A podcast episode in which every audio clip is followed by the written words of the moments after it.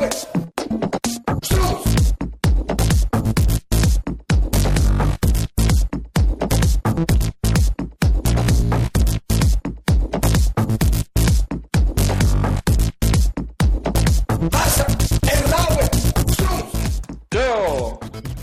Välkomnar vi till ytterligare ett avsnitt av Bundesliga-podden och eh, det är ett avsnitt som eh, ja, inte kommer likna något annat. Jag har ju spenderat eh, två dagar i Norge, kom hem för två och en halv timme sedan och har eh, det, utöver att jag har lyckats bli sjuk för att jag stod på Operahuset i Oslo igår kväll och såg ut över den vackra vyn av staden, eh, fantastiskt på många sätt och vis utöver att den är snordyr, så lyckas jag dra på med någonting som gör att jag har bara ont i hela halsen. Men eh, det här blir kul ändå. Eller vad säger ni grabbar? Ja! Jaha. Ja, det har ju varit eh, första gången jag var i Oslo faktiskt. Eh, Andreas, du, vi pratade lite om det innan vi började spela. Du har ju varit där lite mer. Ja, inte överdrivet mycket, men man har sett så. Däremot är det ju... eh, För ens egen ekonomi så håller man ju sig borta därifrån, så att säga. Ah, det, man kan ju säga att jag var ju rätt glad över att det var en tjänsteresa där jag slapp betala för mer eller mindre det mesta. Eh, Filip, eh, har du varit i Oslo? Nej, men jag har varit i Hamburg. Ja. Det är alltid någonting. Det påminner lite om varandra, nära till vattnet och sådär, men... eh, jag kan människor. Ganska många städer som har närhet Ja, till jag, jag, vatten. jag vet. Men ni fattar ju, det här kommer bli jobbigt för mig för jag är så jäkla, jag, jag är sliten. Men det har varit kul. Och eh, man kan faktiskt koppla Oslo till eh, det tyska landslaget. Eh, speciellt den här helgen för att eh, jag var ju där på tjänsteresa som sagt och eh, stod och presenterade inne på ett eh, hotell eh, i Nydalen som ligger utan, i utkanten av, av staden, av vad jag förstår det. Och när jag glider in i rummet jag ska presentera i, då sitter ju ett schema på väggen uppe från när tyskarna var i Oslo eh, och deras schema för dagen. Så jag antar, eh, eller jag utgår iskallt ifrån att de bodde på det här hotellet. Det vore väl konstigt annars. Och eh, på det här schemat så kan vi bland annat se att de, eh, vilket Andreas tyckte var sovmorgon, de, fick, eh, de blev väckta vid 8.15 på morgonen. Det är fan bagarväckning alltså. 8? Nej, det, det vet jag inte. Jo, det är det. Man lever olika liv. De eh, lämnar pa packningen eh, till vem som nu har hand om det, vilket jävla jobb att ha det förresten, eh, vid 8.30 och sen så har de frukost fram till 9.15. Så En man, timmes frukost. ja. Eh, Det är inte den obligatoriska knägarkvarten här inte. De har eh, också lunch, lunch fick de bara i 30 minuter, det var taskigt, 13.30 till 14. Det är rimligt. Eh, och eh, sen så hade de gemensam kvällsmiddag vid 20.00. Det är bra, det är en bra bit däremellan alltså. Från eh, lunch till middag. Och sen vid midnatt, då är det lista aus. Då ska allting vara släckt. Tror ni det, vem, vem i landslaget eh, tror ni inte går och lägger sig vid midnatt? Vem, vem sitter fortfarande uppe vid det tillfället? Mm. Oh. Jag, Nu jag, är inte, säga- nu är inte Max Kruse kvar längre, annars hade det lätt varit att han bara får provocera. nej men exakt. Jo- Jonathan Tah kanske? Nej, Jag är lite inne på att, ja, Jonathan Tah i och för sig, det är inte helt dum. Han är ju, Ah, han känns seriös. jag tänker att Det Benedikt, gör inte de andra menar? Nej, verkligen inte. jag, jag, jag får ju känslan av att Benedikt Hövedes har ju någonting, jag har en känsla av att han kan sitta uppe rätt länge. Han börjar ju bli gammal och grå nu liksom. Ja, men jag tror det ändå. Man, den man vet går och lägger sig först är Manuel Neuer. Manuel Neuer, Ja. 21.30 så är det bara kolsvart. Då är det stendött i hans, på hans rum. Hector känns ju så tråkig. Draxler kan sitta uppe ett tag kan jag tänka mig också. Ja. Nej, eh, men... Kan vi få en lista på det? Ja, exakt. beställa det. vad vi tror. Men det är lite kul, så, så på den här listan står då eh, vad eh, de ska ha på sig. Spelarna har en viss outfit. Eh, och eh, sen så har de för ledarna så har de en annan outfit. Väldigt så här tydligt och, och med liksom modeller på hur de ska se ut. Tycker jag är rätt fascinerande. Men det är väl så det ska vara i den här tiden av eh, PR. Adidas ska ju få sitt. Och Hugo Boss om man har kostym, tror jag, i landslaget. Men i vilket fall, eh, Tyskland var ju i Norge och inledde VM-kvalet med att besegra eh, norrmännen med 3-0. En rätt imponerande seger, eller vad säger du Filip? Mm, absolut. Tyskland var överlägsna från minut ett och det hade kunnat bli större siffror än så. Ja, nej men det får man minst sagt. Alltså grejen var att eh, det var ju ändå en sorts nystart får man ju säga efter det här EM. Eh, Vad skulle du säga var, vad stod ut i det tyska landslaget? Vad, liksom, vad var de positiva delarna? Vad såg du för skillnader gentemot tidigare? Nu har du många frågor där. Ja, verkligen. Usch, Jag har inte mer rätt att svara på det, för jag ska erkänna att jag halvögde bara på matchen då jag arbetade samtidigt, men... Uh, ja, men jag tyckte alltså spelet flöt ju på som uh, bättre än... Uh, bättre än många gånger tidigare. Och det var trots att Götze var på plan som inte uträttade någonting i stort sett, så... Det var med tio man i stort sett man, uh, man lyckades besegra Norge. Sen vet jag inte vad man ska sätta för betyg på Norges lag, för det är väl inte det bästa och svåraste motståndet för, eh, för det tyska landslaget. Men, men det var ändå kul att se att man tog för sig och att man vågade och, och att det blev ändå en stabil seger. Det känns som att för ett år sedan hade det mycket väl kunnat bli eh, desto kämpigare faktiskt. Mm, det får man ju minst sagt säga. EM-kvalet var ju väldigt, eh, det var väldigt blandat resultatmässigt och prestationsmässigt. Andreas var, var 3-0 mot Norge, man hade inte kunnat önska sig en bättre start va? Nej, det känns ju stabilt och framförallt här efter eh, eh, EM och, och sådär så var det väl eh, kul att se att Thomas Müller kommer igång i landslaget igen då efter att ha eh, han förväntas ju trots sin position att göra många mål liksom och stå bakom eh, majoriteten av de offensiva eh, lägena och sådär. Eh, och i den här matchen gör han två mål och en assist liksom. Eh, så att man får väl äh, säga att det var lite Thomas Müllers upprättelse eller comeback här i den här matchen då. Och imponerade väldigt mycket. Men eh, Mario Götze fick ju inte spela i premiären för Dortmund och Bundesliga, satt på läktaren. Uttagen av landslaget fick spela tror jag, totalt runt 160 minuter av 180 möjliga i, de här, i träningsmatch mot Finland mm. och mot Norge. Varför tror du Löw bedömer annorlunda än vad Tuchel har gjort? Ja, det är lite märkligt och dessutom så fick man säga när han väl kom tillbaka, eller innan här så körde han individuell cykelträning också. Ehm, så det är lite oklart vad läget med Götze är men jag skulle bli förvånad om han inte eh, får göra ett, eh, någon form av intryck här i helgens match mot Leipzig. Nej, Filip, du var inne på det. Götze gjorde ju inget avtryck alls. hur länge tror du han får möjligheten att vara med från start med tanke på att det finns ju en rätt en rätt stor konkurrensposition på just de positioner som Götze själv spelar på. Mm, precis. När vi inte Gomes med till exempel här i landslaget, hade han varit det så tror jag att han hade startat och och på det offensiva mittfältet då vet vi att det är ju, eh, redan som det är nu, hård konkurrens och det är fler spelare som är på väg in. Brand till exempel fick, var ju den som uh, byttes in istället för Götze och tyckte, och enligt mig stod för en bra insats och, och sen är det Belarabi och, och flera där till liksom så det, det är verkligen upp till bevis nu för Götze om man ska behålla sin landslagsplats. Det känns ju som att det just nu handlar det mest om att det är en favorit till Löv och ingenting annat. Det som är Götzes fördel är väl att just att han har erfarenhet utav spelare som, som falsk eh, eh nia då. Eh, till skillnad från många av de andra spelarna. Det är väl det som ligger till hans fördel. Jag är lite tveksam. Alltså jag vet faktiskt inte vem som Löv kommer att ge Mario Gomez någon chans i landslaget igen. Det skulle nästan förvåna mig lite faktiskt. Det beror på hur han presterar i... Uh, i jo, självklart. Sidan. När han mål där så, så måste han ju ta med honom. Eller i och för sig det är ju Löv så man... Vad tycker det? Han tog med honom till EM i alla fall så det ja. känns inte som han är helt utesluten. Ja. Men jag säger det här, Kevin Folland finns ju. Han finns ju där, eh, ingen snack om saken. Och Leverkusen, att han spelar där eh, ökar nog chanserna rätt rejält med tanke på att de kommer att spela ut i Europa och sådär. Men det var ju egentligen inga större överraskningar i startelvan. Det var Neuer i mål, det var en backlinje med Hector, Hummels, eh, Hövede som då vikarierade istället för eh, Boateng som är skadad. Och sen så var det Kimmich ute till, till höger som nu har fått den här högerbacksplatsen. Eh, Kedira, Kroos, centralt eh, lite mer tillbakadraget på mitten. Och sen nu står det stilla Draxler, Götze. Özil. Özil, just det. Och eh, Thomas Müller. Och det, det var ju väntat, det, som sagt som du sa Filip, det var väl Götze som man eh, får ha, som var det största frågetecknet av de här Speciellt när konkurrenssituationen kommer att eh, öka, vilket det kommer göra. Vi saknar ändå Marco Reus och Anders Schürrle som båda tackar nej. Vi saknar Mario Gomez som, som nämndes.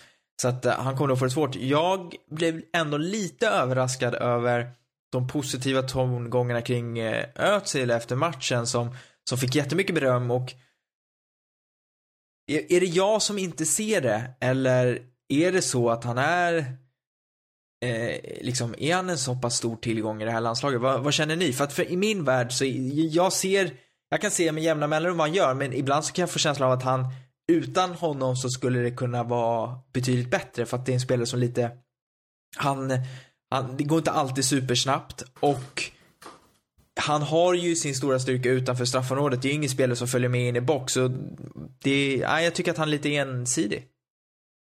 Alltså han jobbar ju mycket i det tysta faktiskt, kan jag ju tycka. Eh, det är ofta man, alltså han utstrålar inte samma sätt som Müller till exempel. Han är ju överallt, syns hela tiden. Ett håller sig mer åt sidan. Och jag tror han gör mer än vad man egentligen ser med blotta ögat. Men eh, jag kan faktiskt hålla med dig där att nu mot Norge till exempel så var han väl inte den bästa på planen i alla fall. Och, och det finns helt klart mer att önska. Men det är inte bara av honom utan det är av hela laget i stort. Men jag tyckte ändå det kändes som att det var ett stort steg framåt denna matchen jämfört med hur det tidigare kunnat sett ut. Kanske är det så att han är en spelare man ska uppleva live och inte på TV. Det, det kan ju ligga någonting i det när man inte ser hela planen, att han bidrar med mer och att man, man har lätt, jag är väl lite som dig Filip, men nu, nu såg jag faktiskt den här matchen, men att jag ibland kanske tappar fokus och man, vilket gör att man missar vissa viktiga delar.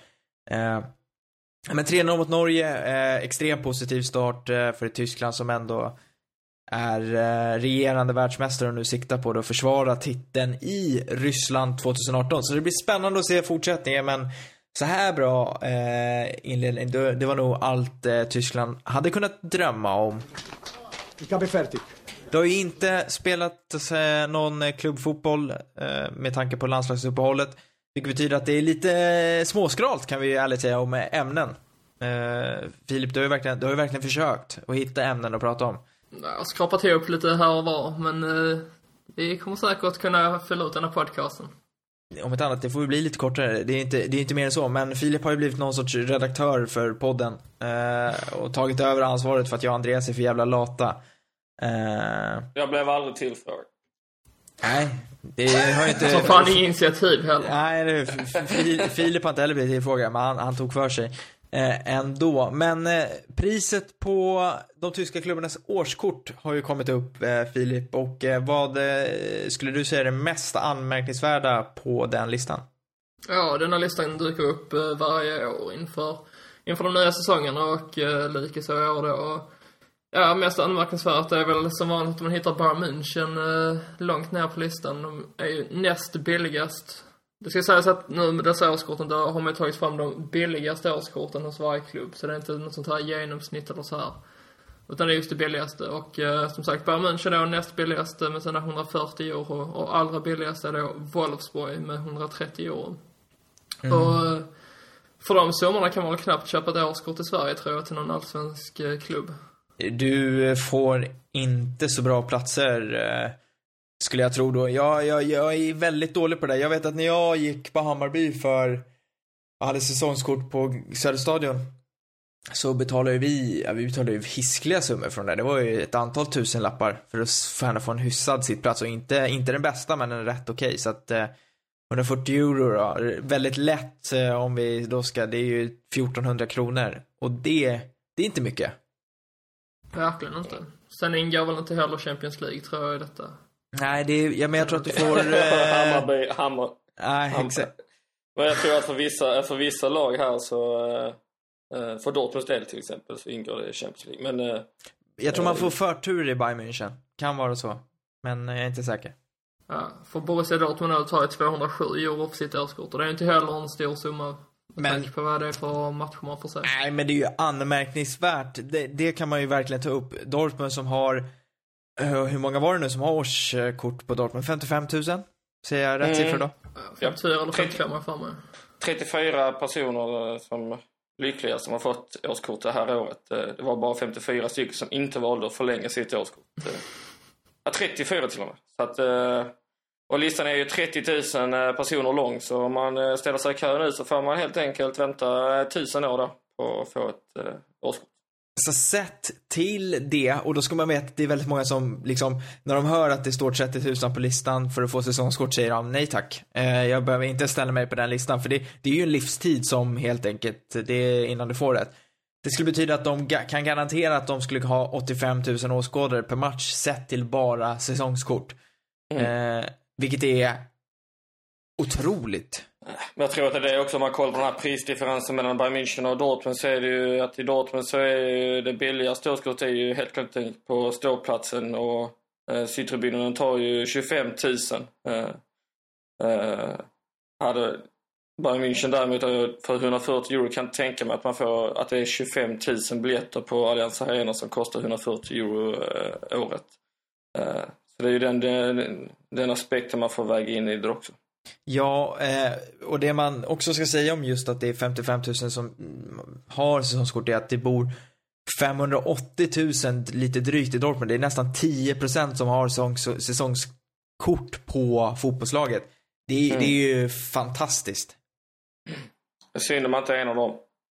Ja, nej men och grejen är att en, en, en sån här riktigt vanlig fråga man får är ju så här, men hur får man biljetter till, till Bayern München och Dortmund? Och I Bayern Münchens fall kan man väldigt ofta köpa på andra hand. I Dortmunds fall skulle jag säga att det är det, det är nog den svåraste klubben i Tyskland att få biljetter till, till ett rimligt pris. För att eftersom att trycket är så stort så blir ju andrahandsvärdet också så jäkla högt.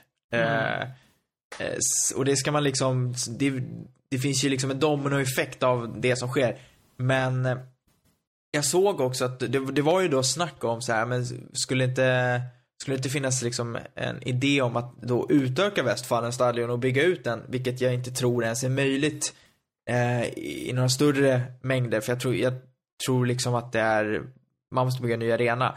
Men Dortmund vill inte ha det så, utan man vill ju behålla det så här och det, och det är ju fullt förståeligt. Man kan ju trycka upp priserna sakta men säkert, men också så bör man ju inte liksom, man behöver inte oroa sig för att det framstår som att det är liksom halvtomt istället för att man bygger för mycket och man inte får liksom det tryck som man då förväntar sig. Mm. Nej, absolut. Så är det ju. Det var ju för tio, tio år sedan ungefär när det såg som värst ut i Dortmund. Då var det ju inte heller eh, helt fullsatt på läktaren liksom. Så det räcker ju att det börjar gå lite eh, kärvt och dåligt så är det i alla fall eh, kanske 1000-2000 som eh, platser som står tomma liksom. Mm. Och det är, det är inte jättefarligt om vi ska vara helt ärliga. Men eh, det... Nej, inte i förhållande till andra klubbar såklart. Nej, exakt. Men eh, Dortmund då tredje dyrast sett till de billigaste biljetterna på två- 207 euro. Dyrast av dem alla är, eh, ja lite överraskande får man ändå säga, Darmstadt. Eh, 240 euro kostar deras billigaste. Jag kan inte tänka mig att deras dyraste är så särskilt mycket dyrare, eller? Det känns som att de ligger i kring 240 De hade väl eh, toppen även i 340. fjol som jag... Mm. Men det är inte heller så konstigt tycker jag. Eh, de har ju en liten arena liksom och det är ändå relativt eh, efterfrågat kan jag anta liksom. Och plus att de behöver pengarna så... Visst, det kanske anmärkningsvärt att de ligger tre- 300 spänn över, över Hamburg liksom. Men... Jag vet inte. Jag hade hellre köpt, betalt 240 euro för Darmstadt än 208 euro för Hamburg tror jag. Vad är det du säger? Det man, det, generellt det man kan säga är ju, och det är ju alltid när man sätter ett perspektiv till andra ligor så är det väldigt, väldigt billigt eh, att eh, gå på fotboll i Tyskland. I alla fall sätter de lite billigare biljetterna. Sen så finns det såklart dyra biljetter också, men jag tror att så här, de dyraste jag har sett på till exempel Bayern München har ju kostat 70-80 euro, vilket inte jag tycker är jätte, jättefarligt för en biljett med ett sånt, med ett så pass stort lag eh, på den bästa platsen. Och då är det inte mot liksom något sopgäng, utan det är mot bra, bra motståndare också. Så att det, så är det. Och det är de som vill då läsa den här listan i serien så finns den på svenskafans.com och gå in på Tysklandsdelen där så finns det en, lista över eh, hur, eh, vad säsongskorten kostar i Tyskland. Vi nämnde ju Darmstadt eh, och de har ju stått för en väldigt fin aktion i veckan, eller hur Filip? Det har de gjort, får man väl minst sagt säga. De har ju nämligen döpt om sin arena. Ja, vad har, de, vad har de döpt den till och varför kanske framförallt? Ja, arenan heter numera Jonathan Heimes Stadion am Böllenfalter. Och Böllenfalter är väl uh, vad det är, men uh, det är ett kul ord. Ja, den de har hette Märk innan efter företaget Precis. Märk. Och det ska den väl heta från och med nästa säsong igen, för de har, har ju lyckats, jag vet inte de har väl köpt loss? Eller de har kommit överens Nej, med det här jag tror bara de har företaget. kommit överens ja. Ja, om att man ska, ska döpa om det till den här till det här namnet då, Jonathan Heim, som är namnet på en supporter som, eh, han har väl avlidit om inte... Han gick bort förra, förra säsongen. Det var en stor snackis då. Man gjorde ett jättefint tifo. Precis. Eh, det här är ju det här är så ego som det kan bli. Men fan vad det kan störa mig när folk skriver om det här.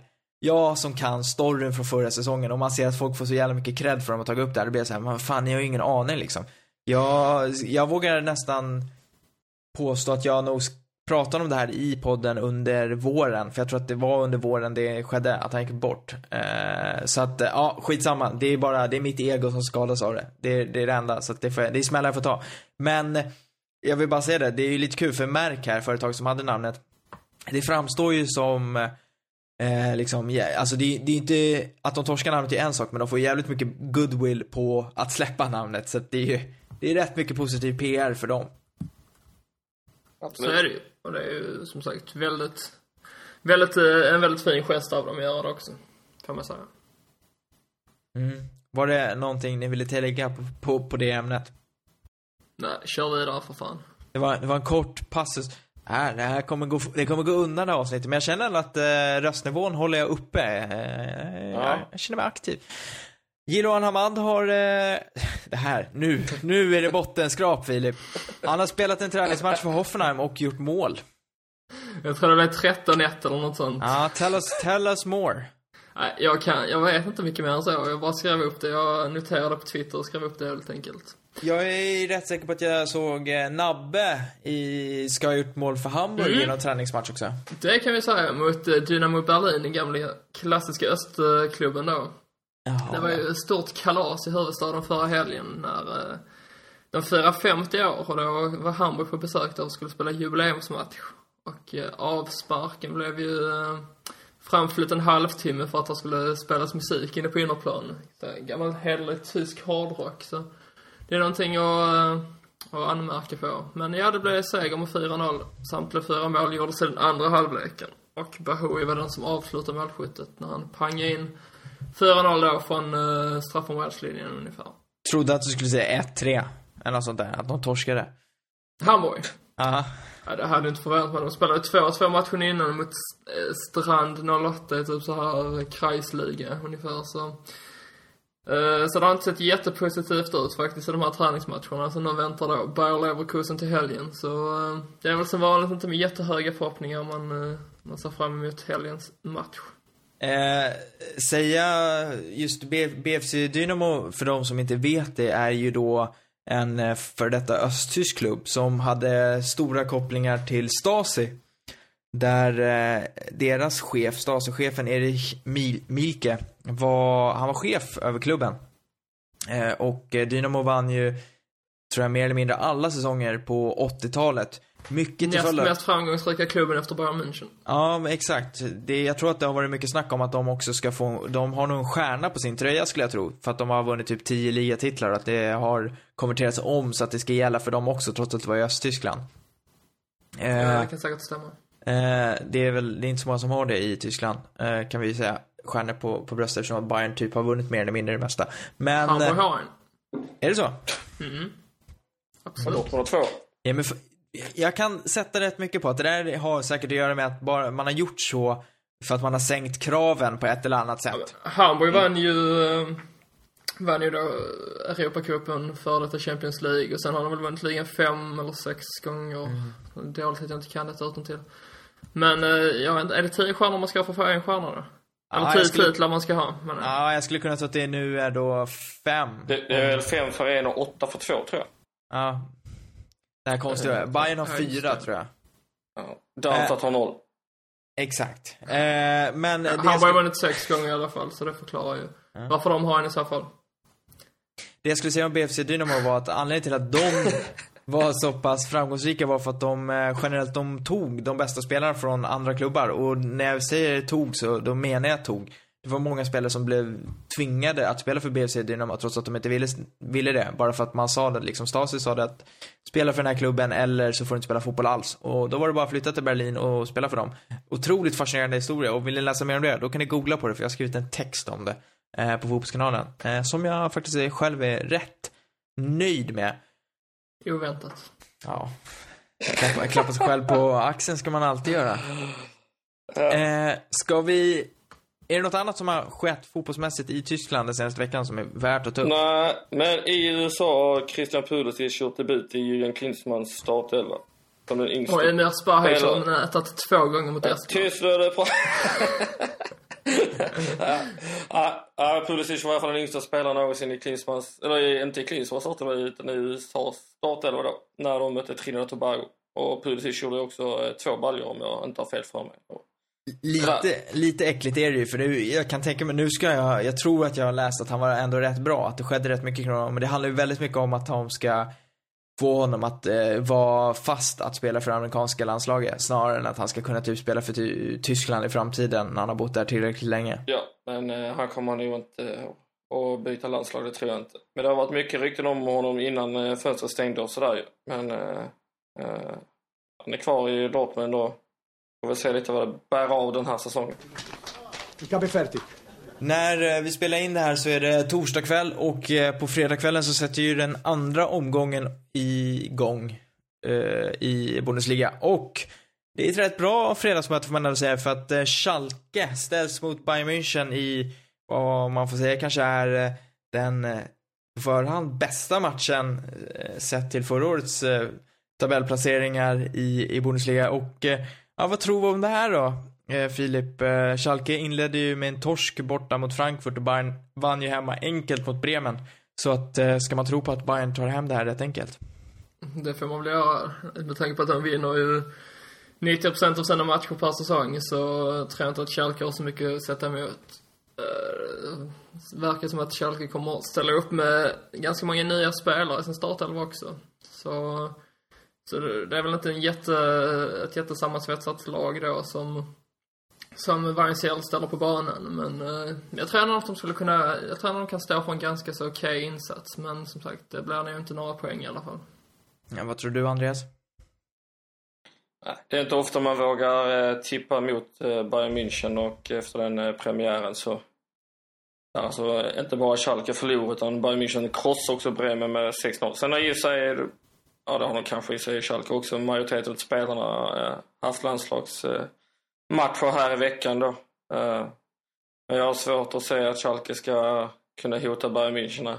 Tar de en poäng så får de ju vara extremt nöjda. Men det ska bli kul att se eh, eh, om Baba och Bentaleb och så vidare får chansen här i Schalke. Mm. På, det var på fredagen, alltså 20.30. Eh, Schalke Bayern München. På lördagen så har vi ju Leverkusen mot Hamburg, Filip. Eh, 15.30. Eh, Hamburg, jag har någon känsla av att de inte har haft eh, jättebra facit borta mot Leverkusen de senaste säsongerna. Uh, nej, det är väl ingen motståndare som man är så, så glad över att möta. Men, uh, vad fan, vi har ju, vi har ändå tagit poäng hemma i alla fall. Så det får man vara nöjd med. Men eh, nej, på bortaplan så har det inte sett allt för bra ut på senare tid. Men det är ju tack vare att de har värvat två bästa spelare. Utan, utan dem så hade det ju gått käpprakt åt helvete för Leverkusen, det är jag övertygad om. Vad eh, tror du, dels om den här matchen, men framförallt om eventuellt Hamburg skulle förlora, hur tror du tongångarna skulle gå i Hamburg? För det har ju redan nu ja, börjat bli lite oroligt efter bara en match, Alltså, ja, liksom Det är ju oavgjort. alltid oroligt i Hamburg. Ja. Men eh, nej, men det är väl inte så många som förväntar sig eh, en seger här. En poäng hade jag i alla fall på förhand varit väldigt nöjd med. Nu har vi ju eh, bara Gideon Jung på skadelistan. Albin Ekdal och Louis Holtby är tillbaka och förhoppningsvis kan Ekdal också starta. Holtby lär i alla fall definitivt göra det. Sen ska det bli intressant att se i alla fall Douglas Santos, vänsterbacken som kostas 10 miljoner euro, om han får chansen istället för Mattias Österöselek. Jag hoppas det i alla fall. Eh, gjorde en pigg insats mot Dynamo Berlin. Så, så jag vet inte, alltså vi har ju ett intressant lag och, och allt det här men det har ju också Bayer Leverkusen även om de har då Kevin Folland och Chicarito borta. Uh, nej men alltså någonting annat än en seger för Leverkusen förväntar man inte helt enkelt. Sen uh, Sen lägger jag inte så mycket vikt på det heller för som sagt det är, det är inte mot de här lagen vi ska vinna heller utan det är mot de här Ingolstadt som vi då hade förra omgången. Där man bara tog en poäng. Det är ju de matcherna man måste vinna om man ska kunna klättra i tabellen och nå en Europaplats som på något sätt får vara målsättningen denna säsongen oavsett vad man säger. Mm. Eh, och på lördagen har vi också match mellan eh, ditt Dortmund, Andreas, som åker till Leipzig för deras första hemmamatch i Bundesliga någonsin. Och det har ju varit lite snack dels på förhand om att Dortmund inte har velat dela med sig av sin logga i en sån här eh, halsduk med båda lagen på och sådär. Att man då har satt eh, Dortmund i, i rödvitt eh, för att det ska, man ska få någonting på, på den här. Men eh, ja, vad, hur går tankegångarna inför Leipzig borta? Mm. Nej men eh, det är ju svårt egentligen att bedöma tycker jag. Eh, Leipzig eh, eh, gjorde ju en stark offensiv insats i premiären och sämre bakåt och eh, hoppas att för Dortmunds del att det ser fortsatt svagt ut eh, eh bakåt. Eh, Dortmund har fått lite tid att träna ihop sig ännu mer och eh, har inte haft allt för många spelare iväg på landskampssamlingar och sådär. Eh, vi får väl hoppas att eh, Dortmund kan åka till Leipzig och vinna på det sätt som man egentligen förväntar sig då. De ska ju vinna den här matchen alla dagar i veckan egentligen. Eh, trots eh, att det har varit bojkott från eh, ultrasgrupperingarna och så, så sålde Dortmund slut på sina biljetter till bortasektionen. Så det verkar som att det kan bli en del, del tryck där ändå. Eh, vilket såklart är en fördel för spelarna då. Det är en fin stad att åka till i alla fall. Mm. Staden i alla fall. Stadion vet jag inte. Nej, den kommer man inte till ju. Tyvärr. Nej, eh, det blir eh, spännande att se. Leipzig-Dortmund och också en väldigt intressant match. Eh, är det några andra matcher i helgen som ni ser fram emot innan jag raddar upp dem på en rad över vad vi kan vänta oss? Ja, man ska vara ärlig så är det ganska tråkiga matcher den här helgen. Men- Werder Bremen, Augsburg. Varför? Nej, ingen anledning. Det är ju derby mellan Darmstadt och Frankfurt. Exakt. Margota mot Milosevic. Ja. Eh, Enes Ben Hatira som spelade i Frankfurt i våras och är i Darmstadt nu. Uh, Undrar om han ska bli mottagen Nej. av Frankfurt-supportrarna. Ja, eller hur. Eh, Darmstadt, Frankfurt, eh, en av matcherna sagt derby där. Vi har Ingolstadt mot Hertha Berlin. Känns eh, lagom rolig. Det är fett. Ja, verkligen. Det osar ju oavgjort den där matchen. Wolfsburg, Köln. Eh, där eh, vi, ja det blir spännande att se Wolfsburg som lär spela med Mario Gomez från start. Antar Mm. jag. Och se honom på tysk mark igen. Det, det kan bli spännande att se. Eh, nu är, och Köln saknar ju Timo Horn och så är det någon till. Eh, så att eh, Marou. Dominic Marou. Ja, mittbacken. en mittback och då, då kan man ju tänka sig att eh, Gomes kanske kommer ha en bra dag på jobbet i premiären. Han gör ju mål. Garanterat. Det är inte omöjligt, det ska jag säga. Han verkar ändå ha hittat rätt i, i Wolfsburg. Han hade ju i en intervju här i Kicker i veckan så sa han ju att eh, till skillnad från många andra som hamnar i Wolfsburg som eh, inser att den här staden är inte så kul att bo i så sa han att eh, det spelar faktiskt ingen roll för mig. Eh, och, utan jag är här för att spela fotboll. Du vet den här klassiska. Men det känns ändå som att han vet vad han har gett sig in på. För intrycket med många spelare som har varit av lite större digniteten, som har hamnat i Wolfsburg, har ju tröttnat rätt fort för att de har insett vad fan, att liksom det här är något helt annat än vad de trott. Och det känns som att det kommer inte vara lika, likadant i Gomes fall.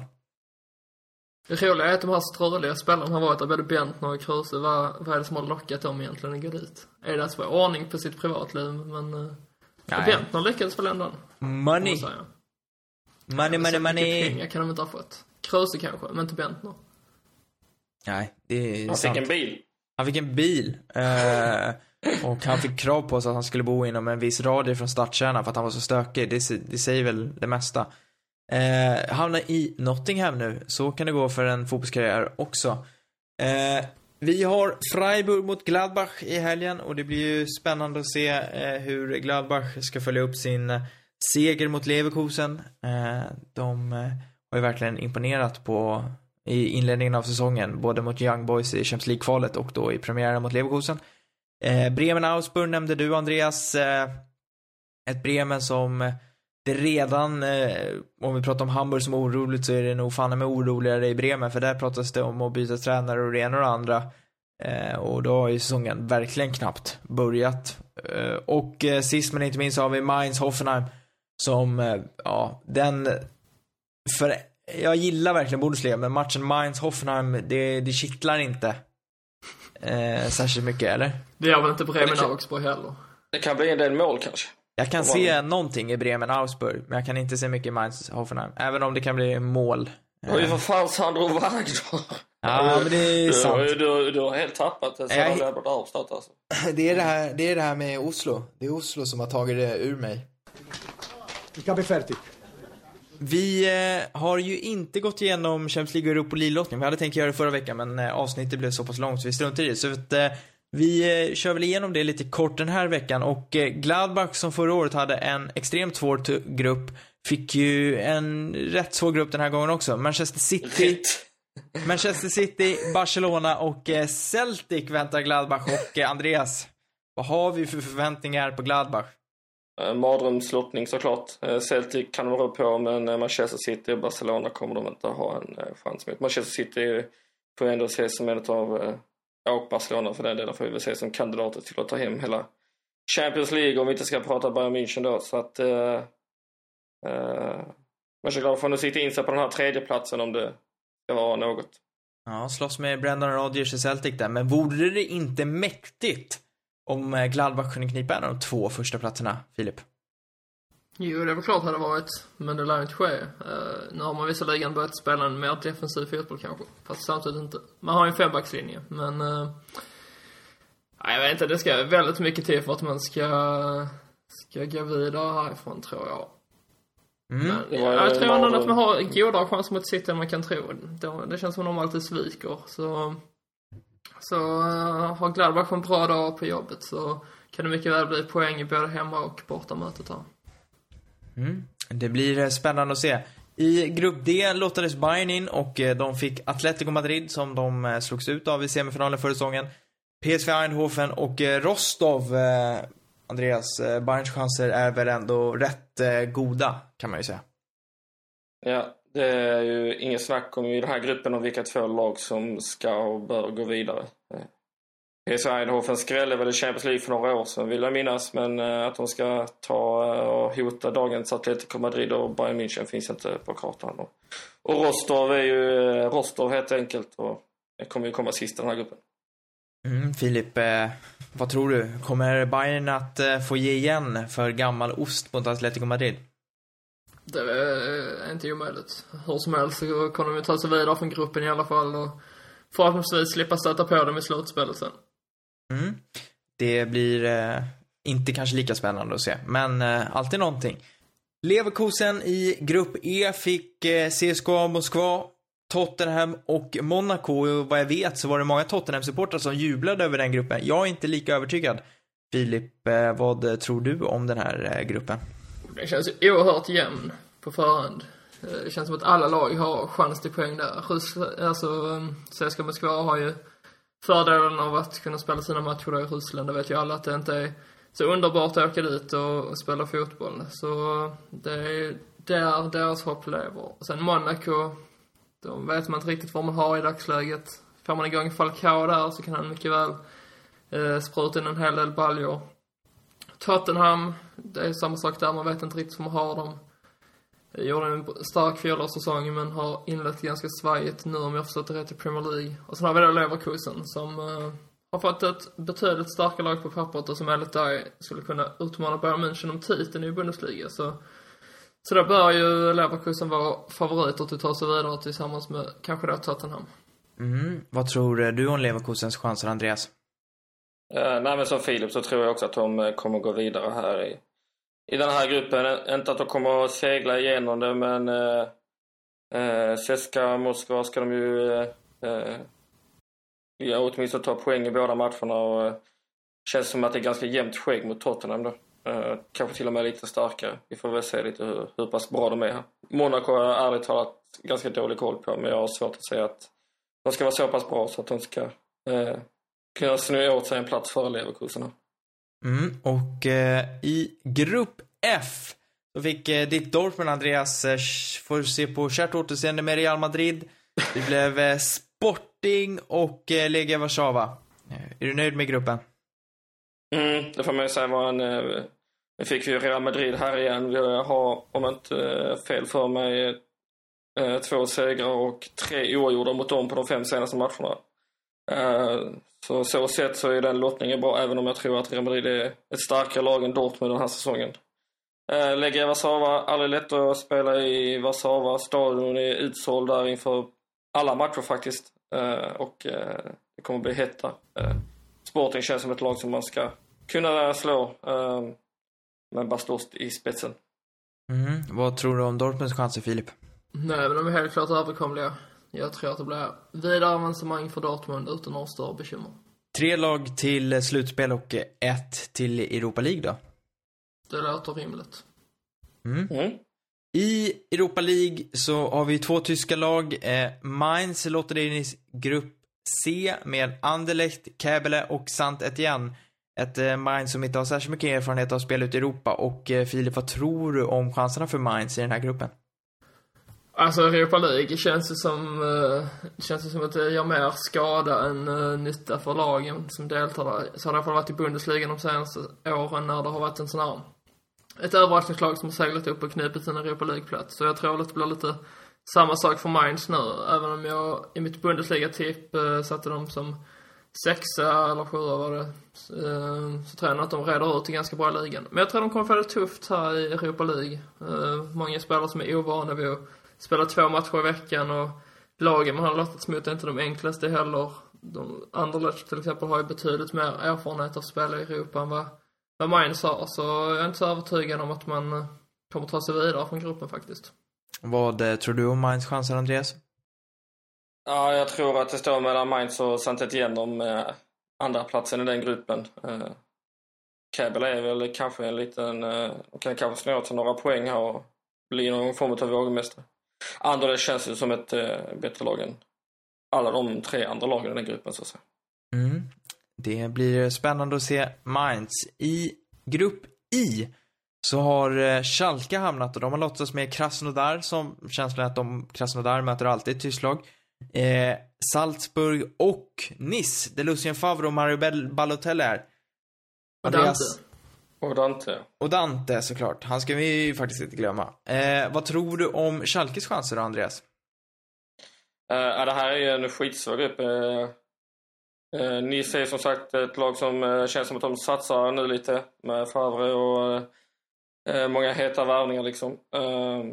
Salzburg, ska, Schalke ska såklart slå Salzburg men ingen lätt match nere i Salzburg och Krasnodar ska man inte skoja bort heller så jag är inte alls övertygad om att Schalke kommer på något sätt eh, leka sig igenom den här, eh, den här gruppen även om de på pappret är ett eh, starkare, lag- starkare lag. Eh, Känns som att det eh, finns risk för lite Europa League-flopp här faktiskt. Mm, vad eh, tror du om Schalke då, Filip? Eh, flopp? Nej, jag tror att de löser det. Uh, vi såg nu Martin Hinteregger som gick till Augsburg från just Salzburg var ute nyligen och sågade sin före detta klubb och sa att de helt har eh, tappat det, att de har slutat satsa nu sen Leipzig uh, till steget upp till Bundesliga. Så det är ett försvagat Salzburg man ställs mot och Krasnodar, ja, vad ska man säga om dem egentligen? Vad vet man om dem mer än att Andreas Granqvist spelar där? Och sen har vi då Nice som känns som den största utmanaren, men eh, ingen av de andra tror jag kan rå på Schalke, så jag tror att Schalke tar sig vidare. Ganska så enkelt. Spelar inte han Wanderson i Krasnodar också? Gjorde Gamla- i alla fall och det gick väl ganska bra för honom också. men jag tror ja. nästan han har lämnat. Ja, det kan, det kan vara så. Men, eh, ja, eh, Europa League känns oklarare. Helt Ska vi inte klart. prata om eh, Grupp B också? Nej. Med, med Apoel, Astada, Young Boys Bern och Olympiakos Piraeus. Ja, det, det finns många sådana där grupper. Eh, grupp E utöver Roma är inte heller sådär häpnadsväckande rolig. Men, eh, Ja, ta om grupp D. nej, eller hur. Eh, Alkmaar, Dundalk, Maccabi Tel Aviv och eh, Zenit. Burger King, Zenit. Eh, men, eh, ja, nej, vi, eh, nu, nu känner jag, kan jag säga, för nu känner jag att min hals börjar verkligen säcka ihop. Eh, Bra, det kan jag prata Hamburg i en halvtimme. Ja, gör det. Du kan få spela in det och sen Ja. kommer jag klippa bort det. Nu tackar vi för eh, den här veckan och så återkommer vi pigga och fräscha nästa vecka. Var eh, hittar man dig på Twitter, Filip? Man hittar mig på snabel Ovelin med nolla står två. Eh, vad heter man dig, Andreas? Snabel Andy Holm. Och mig hittar ni på snabel A.T. Nilsson och eh, med det så är veckans Bundesliga-podden inspelat och klart. Eh, hörs vi igen om en vecka. Ciao! Ciao, Ciao. Ciao. dig.